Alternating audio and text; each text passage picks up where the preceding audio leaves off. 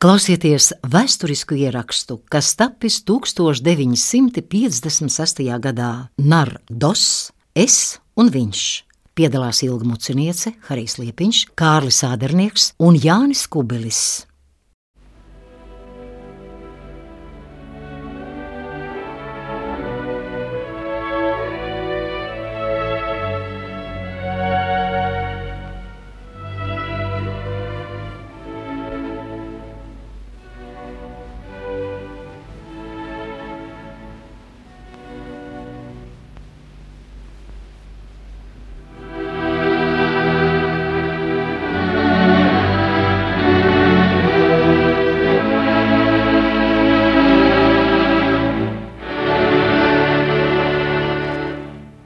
Šī dienas grāmata nonāca manās rokās pavisam nejauši. Tā bija pabieza putnīca, kurā pazudušais cilvēks, kā viņš dienas grāmatas apakšvirsrakstā pats sevi dēvēja, ilgus gadus, gandrīz dien dienā ierakstījis savas dzīves notikumus. Atmetis visu neinteresantāko, es izveidoju no šīs dienas grāmatas stāstu, kas attēlo pazudušā cilvēka traģēdiju. Piemitināšu vēl ka to dienas grāmatas daļu, kas attiecas uz viņa pagrimšanas traģēdiju, pazudušais cilvēks nosaucis Es un Viņš. Ar šo virsrakstu es laižu klajā viņa dienas grāmatu.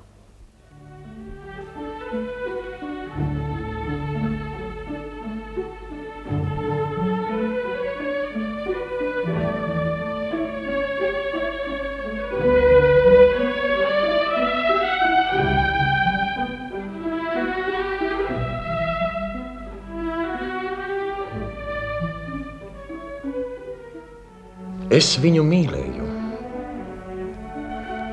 Vai maz ir vajadzīgs atkārtot mīlestības vārdus, ko dzīves prieku zaudējuši skeptiķi uzskata par smieklīgiem un banāliem, bet kas mīlā plaukstošām maigām sirdīm liekas vesela atklāsme?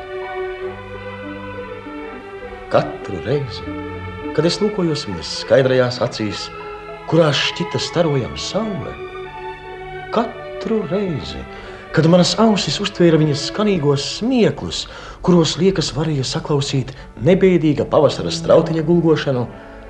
Katru reizi, kad turēju viņu savā skamās un pie viņas krūtīm pieplokot alkaini ieklausījos viņas elpas vilcienos, vai jutu uz saviem vaigiem viņas matu elektrizējošo pieskārienu, mani pārņēma tik neprātīgs jūtu viesulis, ka vajadzēja tikai viena viņas vārda, un es būtu spējīgs izdarīt vislielāko varoņu darbu vai vislielāko noziegumu.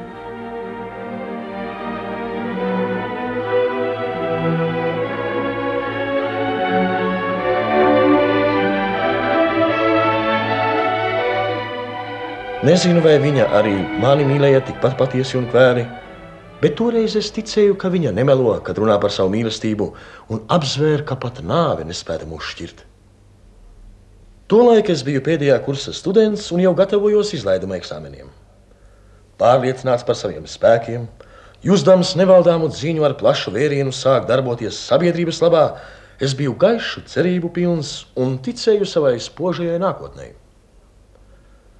Šie sapņi mani spārnoja, mīlestības laime mani iedvesmoja, un es noguruma nepazīdams centīgi strādāju pie sava kandidāta darba, kuram bija jātop par manas nākamās labklājības stūrakmeni.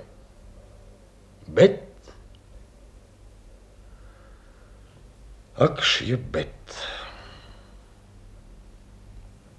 Un tagad, kad viss ir pagalam, kad viss ir sabrucis līdz pašiem pamatiem, pat tagad, kad iedomāju šīs dienas, es ar pūlēm apvaldu dvēseles sāpju kliedzienu, jo šīs dienas vēl dzīvo manī visā savā skaudrumā.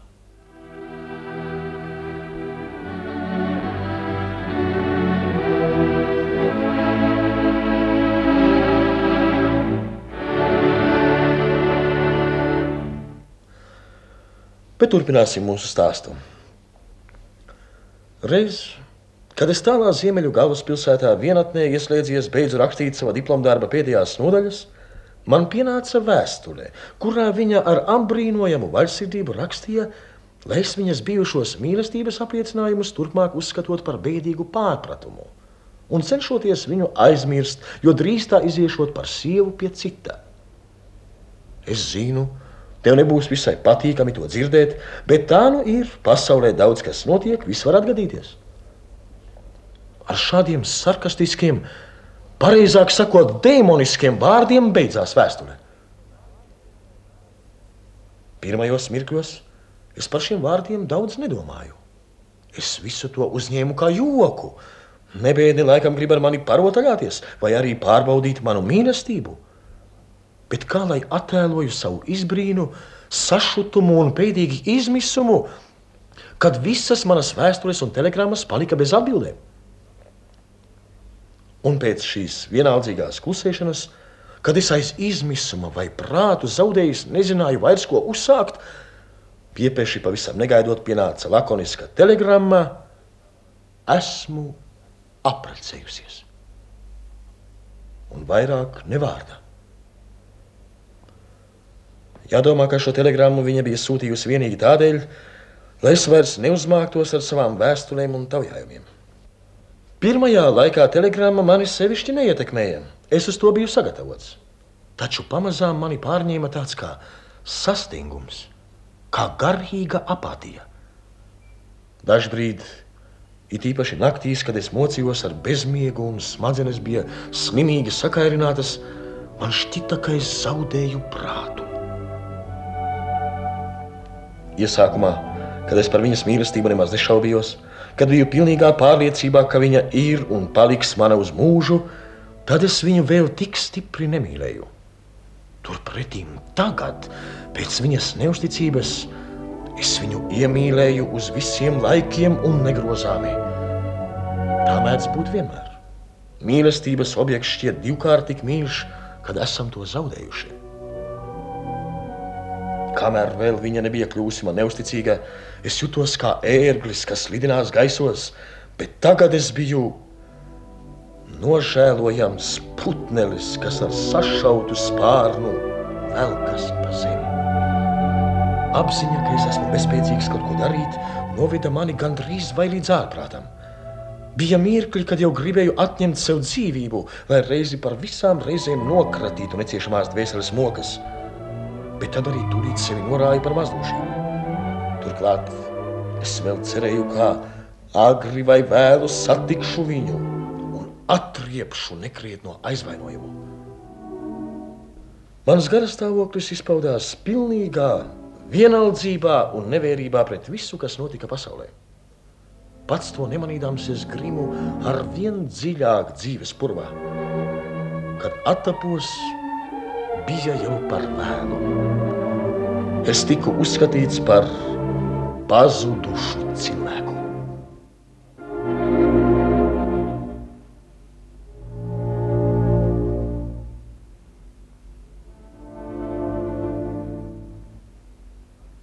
Kādreizējais pēdējā kursa students ar lielām izredzēm uz spīdošu karjeru aizrauts ar sapņiem par plašu darbību sabiedrības labā, tagad bija pārvērties par sīku, aizstāvīti, intrigantu, kas tiesas iestādēs sacerējies sūdzības rakstus par šaubīgu personu aizstāvi. Mana traģēdija bija tāda ka es skaidri un gaiši apzinājos un izjūtu savas pagrimšanas šausmas, bet izkļūt laukā no šī muklāja man trūka spēka. Pārāk dziļi biju ievilkts purvā. Un tad, reizi par visām reizēm pārvilcis savai dzīvei krustu, es sapratu, ka atzimšana man nav iespējama. Reiz gadus piecus pēc mūsu izšķiršanās, man gadījās pilnīgi negaidīti sastapties ar viņu uz ielas vaigu vaigā. Sastapšanās bija tik pēkšņa, ka es paliku uz vietas kā zibens ķerts un pārsteigumā pagūtu tikai sasist rokas. Viņa acīm redzot ļoti iztrūkās un kā pamanījusi sākumā nepazina mani. Nav jau ar brīnums, Agrākā staltā, precīgā, smalki ģērbtā jaunā studenta vietā viņas priekšā sakucis stāvēja kuprains cilvēks ar neskūtu seju. Iekritušām krūtīm, apdilušā, nolekšķējušā meitenī. viņa turpretī nemaz nebija pārvērtusies. Vai pareizāk sakot, tik stipri pārvērtusies sev pa labu, ka neviens mākslinieks nespētu atklāt viņā ne mazāko trūkumu. Kādreizējā vājiņā draizskule bija izvērtusies par slaidu, greznu dāmu, kurai nevarēja paiet garām, neatskatoties vēl atpakaļ. Es sastingu kā sālstabs, un reizē ar to manī mudās apbrīna un instinktīvs apmulsums šī nepārspējamā krāšņuma priekšā. Nekad vēl nebiju juties tik niecīgs, nožēlojams un atbaidošs. Un kad mūždams un stostīdamies, es žēlabainā balsī ierunājos par sevi, viņa sākumā it kā izbrīnījās, bet tad ne vārda nebildusi pēkšņi metās uz otru pusi, iekāpa ormanī un aizaujoja, it kā baidīdamās, ka es dzīšos pakaļ.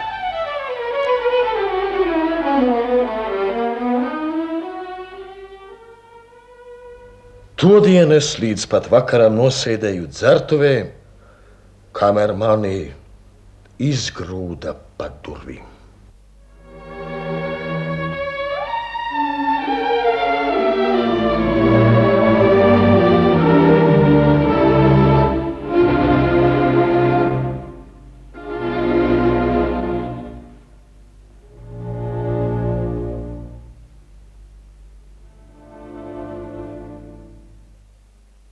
Pēc šīs satikšanās, tajos retajos brīžos, kad biju skaidrā prātā un vairāk vai mazāk spēju sakarīgi domāt, mani stipri nodarbināja jautājums, kur gan meklējams manas pagrimšanas cēlonis. Nu, patiešām nevarēja taču uzskatīt, ka tai par cēloni ir nelaimīga mīlestība. Šis apstākļus tikai uz laiku spēja nomākt cilvēku, nevis morāliski iznīcināt to. Tas būtu gluži aplam. Īstajam cēlonim vajadzēja būt Kur citur? Lai kā es meklēju, mani pūliņi šajā virzienā ilgi palika bez sekmēm. Bet tad, pavisam nejauši, atradu īsto ļaunuma sakni. Izlasīju kādu stāstu, un tas piepieši ienesa gaismu manā tumšajā iekšējā pasaulē. Tā bija kāda itāliešu novele. Sniedzu to šeit vārdu pa vārdam ar virsrakstu Viņš lai nostādītu sevi pretim šīs noveles varonim.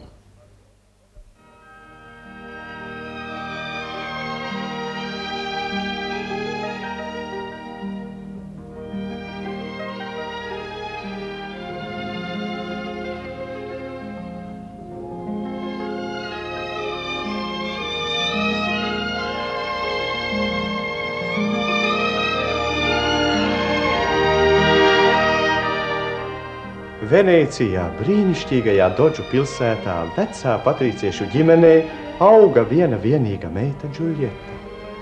Viņa bija tik daļa, ka šķita nevis zemes būtne, bet nāra, kas izkāpusi no jūras putām. Viņas acis, zilas kā Itālijas skaidrās debesis, viņas skatiens, līksms un visu aptverošs kā Adrijas jūras apvārsnes. Zeltainās matu cirtas brīnišķīgie skāviņi saburošo galviņu Kad viņa smaidīja, vaigos iezīmējās valdzinošas bedrītes, bet aiz ķiršsārtajām lūpiņām mirdzēja pērļaini zobi. Žuljeta bija līksma kā ziedoņa saule, bezbēdīga kā taurenīts, kā raiskulīgs bērns. Viņas mīļākās krāsas bija sarkana un balta. Pie krūtīm viņa vienmēr nesāja piespraustu sarkanu neļķi un baltu liliju. Arī pati tā šķita kā svaigs, smaržīgs zieds, drīz sarkans, drīz balts. Raugoties pēc tā, kādu tērpu bija uzvilkusi neļķes vai lilijas krāsā. Kādreiz neizsakami jaukā pavasara vakarā, kādi mēdz būt tikai Adrijas jūras krastos. Džuljeta savā gaišajā istabiņā pārcilēja tērpus un piespraudusi pie krūtīm sarkanu neļķi, jau gatavojās doties pastaigāties uz lielo kanālu, kad pēkšņi izdzirda uz ielas violas skaņas. Kāds spēlēja serenādi. Džuljeta pieskrēja pie loga.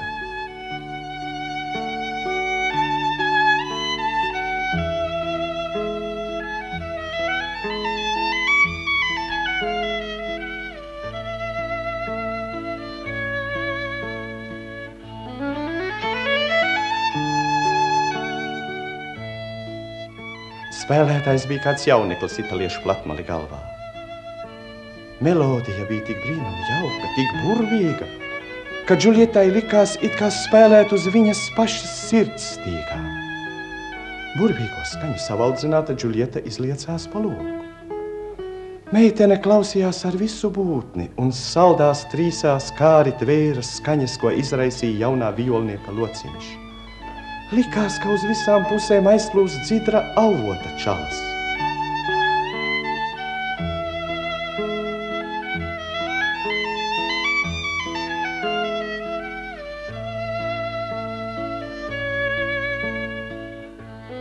Džulieta aizturēja elpu. Viņas acīs iezaigojās sajūsmas asaras.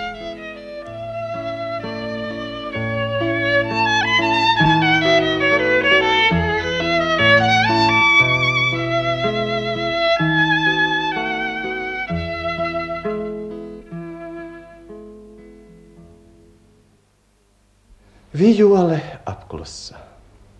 Šķita, ka līdz ar to apklususi arī pati daba. Kas esi tu, jaunais maestro? Paraugies šur, Jauneklis pacēla acis augšup. noņem cepuri. Es gribu redzēt tavu seju. Jaunais mākslinieks noņēma platmali, nevērīgi atmeta garos cirtainos matus un palūkojās meitenē. Cik brīnumdaiļas acis! Bet tās ir skumjas un domīgas, kā nu pat spēlētā melodija. Cik pievilcīga seja, bet tik bāla un sērīga kā marmora tēlam. Kāda lepna piere, kā tajā atmirts pārdabisks cēlums. Kā tevi sauc? Antonio, Antonio.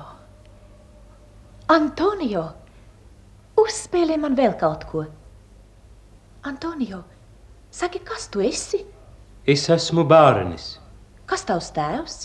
Viņš bija strādnieks, pakļuva zem mašīnas un gāja bojā. Un māte? Viņa sekoja tam. Vai tev ir māsas? Man nav neviena tuvinieka. Vai gribi? Es būšu tava māsa, un tu mans brālis. Es palūgšu tēvu, lai ņem tevi pie mums. Tu dzīvosi ar mums kopā un spēlēsi man. Mans tēvs ir labs, viņš man neko neliedz. Tev vairs nebūs jāklīst pa ielām maizes kumosa dēļ. Mēs esam bagāti. Es esmu lepnis, signorīna. Mani sauc Džuljeta. Es esmu lepnas daļā Džuljeta. Mēs tev nenolaupīsim tavu lepnumu, Antonio.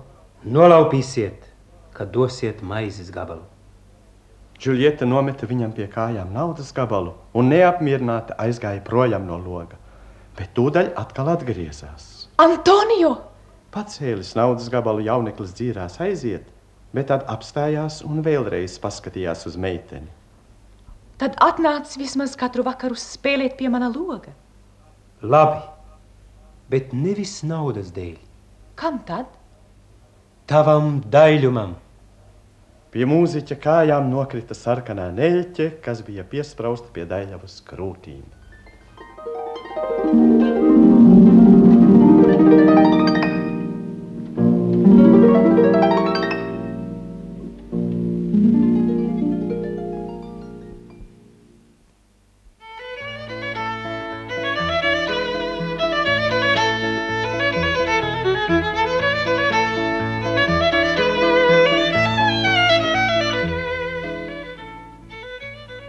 Katru vakaru, tiklīdz pēdējie saules stari atmirdzēja patriciešu nama logos, Džulieta klausījās ar vien jaunas un jaunas brīnišķīgas melodijas.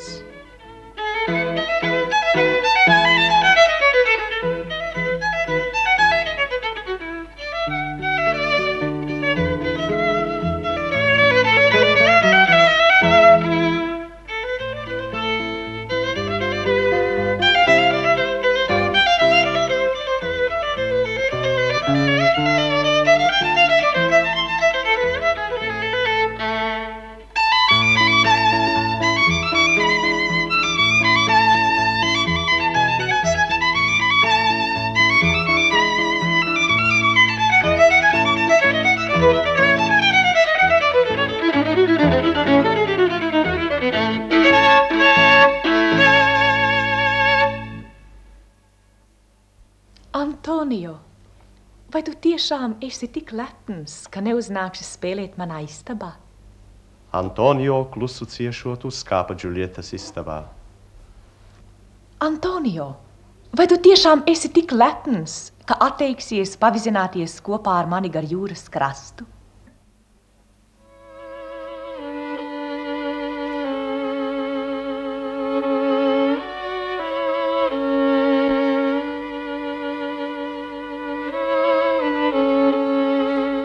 Mēnesnīcas baltajā gaismā par rāmo jūras spoguli slīdēja laiva, un bezgalīgajā nakts klusumā virmoja valdzinošas skaņas.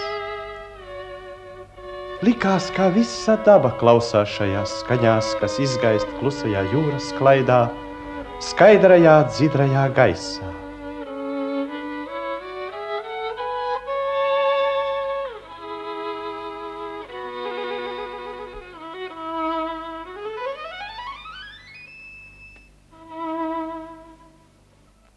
Antonio, vai tiešām tu esi tik lepns, ka neatļausi man nolikt galvu tev uz ceļiem?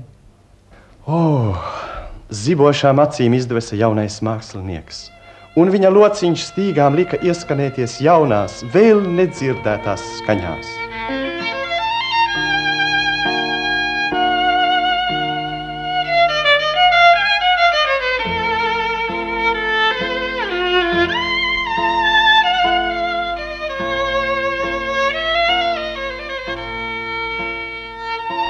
Džulietas zeltsprogainā galviņa atdusējās uz Antonio ceļiem.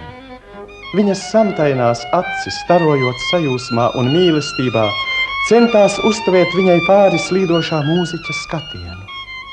Meitenes vieglais baltais tēps mirgoja sudrabotajā mēnesis gaismā. Viņa izskatījās kā nāra jūras putu mākonī. Jaunais mākslinieks vēroja uz viņa ceļiem dusošo daļo galviņu un brīnījās pats. Kas tās par nedzirdētām skaņām, ko izvilina viņa lociņš?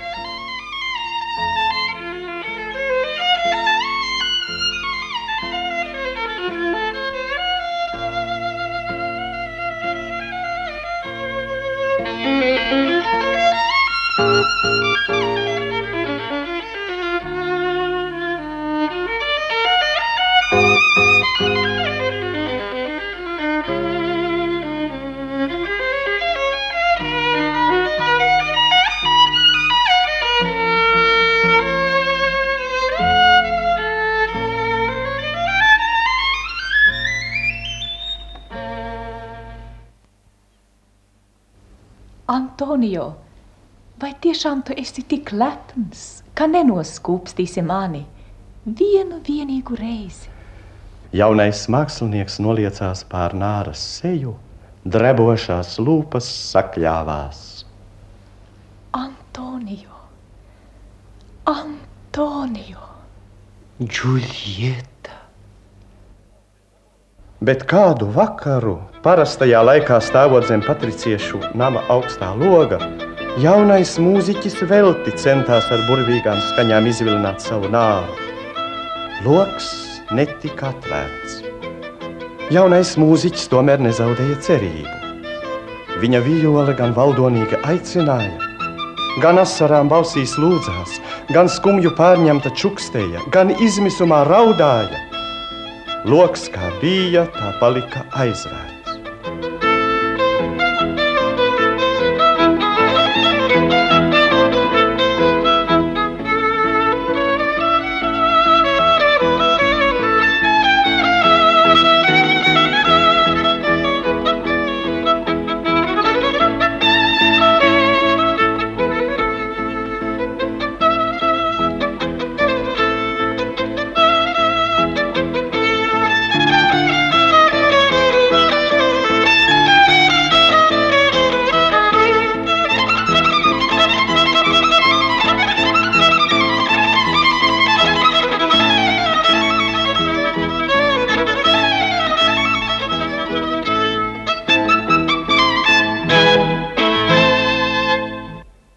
Kad vijoli izkliedza pēdējo izmisuma pilno vaimanu saucienu, loks uz brīdi pavērās, pret ielas akmeņiem nošķinda monēta, un pie jaunekļa kājām virpuļojot nokrita papīra gabaliņš. Tēvs teica, ka starp tevi un mani ir nepārējams bezdibenis. Mēs atrodamies augšā, tu lejā. Nenāc vairs, aizmirsti mani. Dažus mirkļus jauneklis stāvēja kā sastindzis. Tad viņš nodarbēja. Kā zibens bulta viņa skatiens uzšāvās līdz nama logam. Ārkārtīgās dusmās viņš gribēja zīmīti saplēst, bet noturējās. Rūpīgi salocīja to un noglabāja kabatā. Naudas gabalu viņš paspēra ar kāju, un vijoli cieši piespiedis pie krūtīm devās projām lepnajā sirdī aiznestams līdzi mokas, ko radījis cietsirdīgais aizvainojums. Kopš tās dienas Venecijas ielās neviens vairs netika sastapis jauno vijolnieku.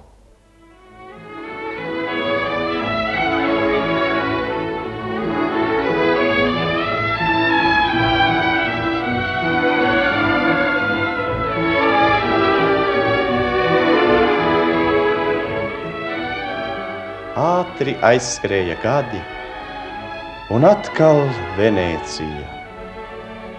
Laikraksti bija pilni ar ziņām par slavenā violnieka Antonio Bonvīni ierašanos. Viņš bija paredzējis dot vienu vienīgu koncertu. Pēdējā laikā nevien itāliešu, bet arī visa Eiropas un Amerikas prese par šo jauno zvaigzni vien rakstīja. Koncerta dienā teātrī nebija vietas pat, kur ābolam nokrist bija ieradusies visa augstākā sabiedrība. Antonio Bonvīni. Visi ar nepacietību gaidīja viņa uzstāšanos. Un lūk, viņš uznāk uz skatuves. Visa zāle nošauta.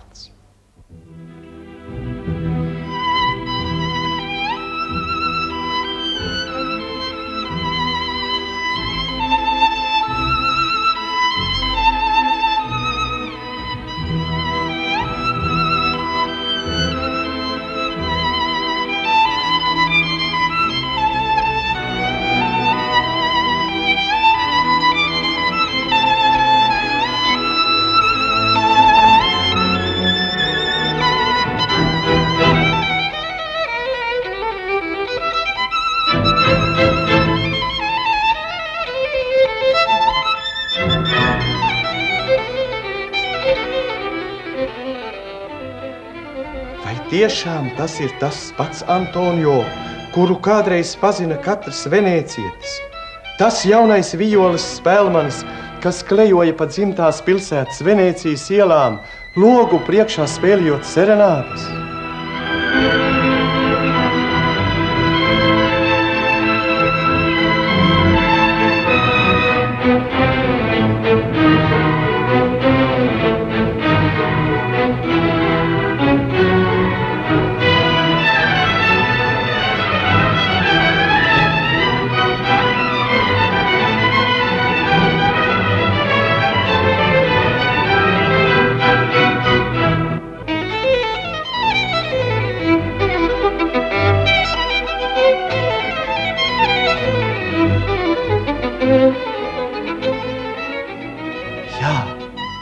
Jā, tas pats. Bet skaņas tagad plūst drošas, spēcīgas, brieduma pilnas, brīžiem kā brāzma, brīžiem kā uzvaras sauciens.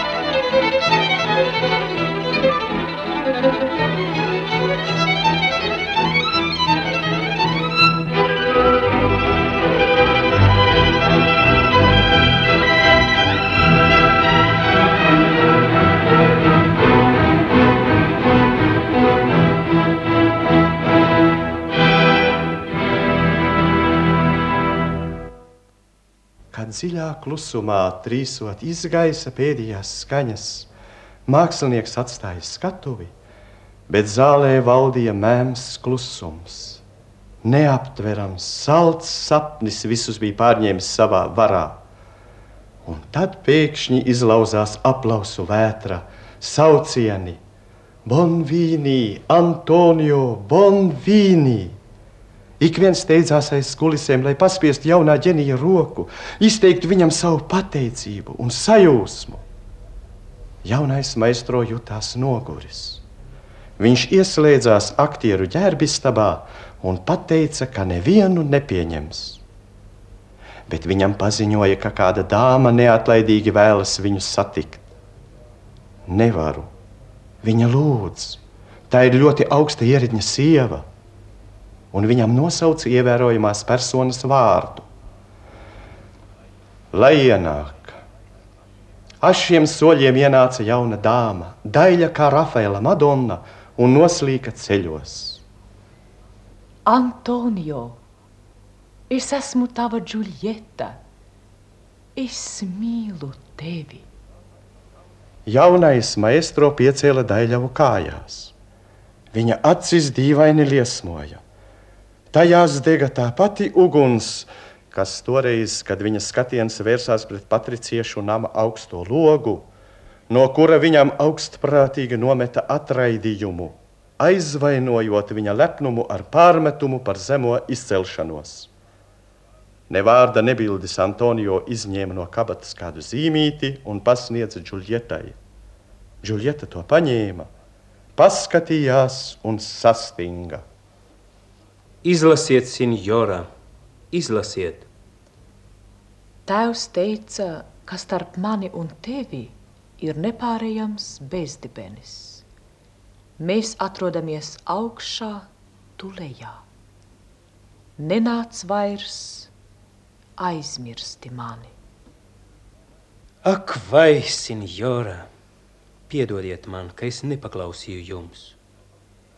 Kaut arī es vairs nenācu uz jūsu māju, taču jūs es neaizmirsu. Jo vai gan citādi es būtu glabājis šo papīra strēmelīti.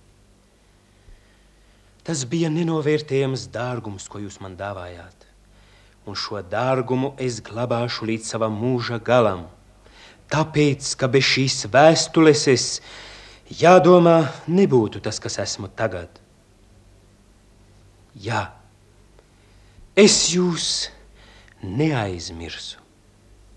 Bet jūs laikam esat aizmirsusi par to bezdibeni, kas mūs šķir. Jūs bijāt augšā, es lejā, un šis stāvoklis deva jums tiesības nicinājumā noraudzīties no augšas uz leju.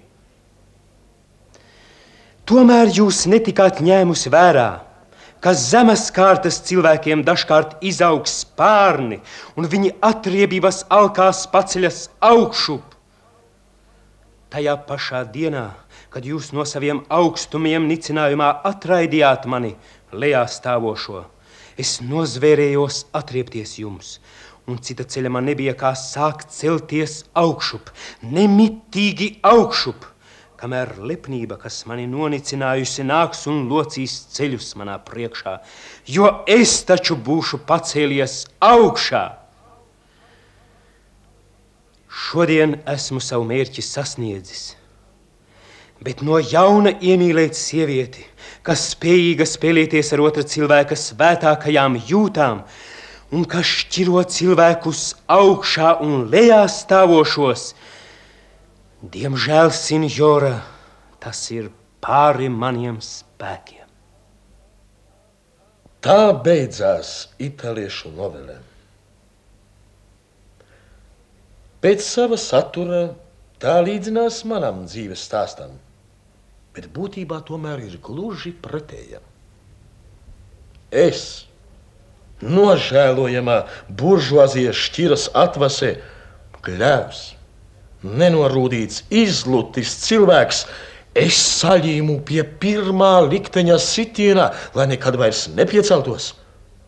Bet tur, tur bija viņš darba tautas dēls, bezpajumtes klejotājs ar dzelzs gribu, Šīs gribas pārnots viņš ne tikai nesaliecās pēc pirmā sitiena kā es, bet gluži otrādi. Kādas tikai grūtības viņš neuzveica, soli pa solim kāpdams galvu reibinošajos augstumos. Kāpt, celties augstāk, nemitīgi celties augstāk. Un kā es pēc visa notikušā varu neticēt savas šķiras liktenim? Tas ir viņas lāsts, degradējoties tāpat kā man. Šai šķirai līdzīgi satrūnējušam kokam ir lemts bez pēdām pazust, dodot vietu tiem, kas no lejas kāp augšup.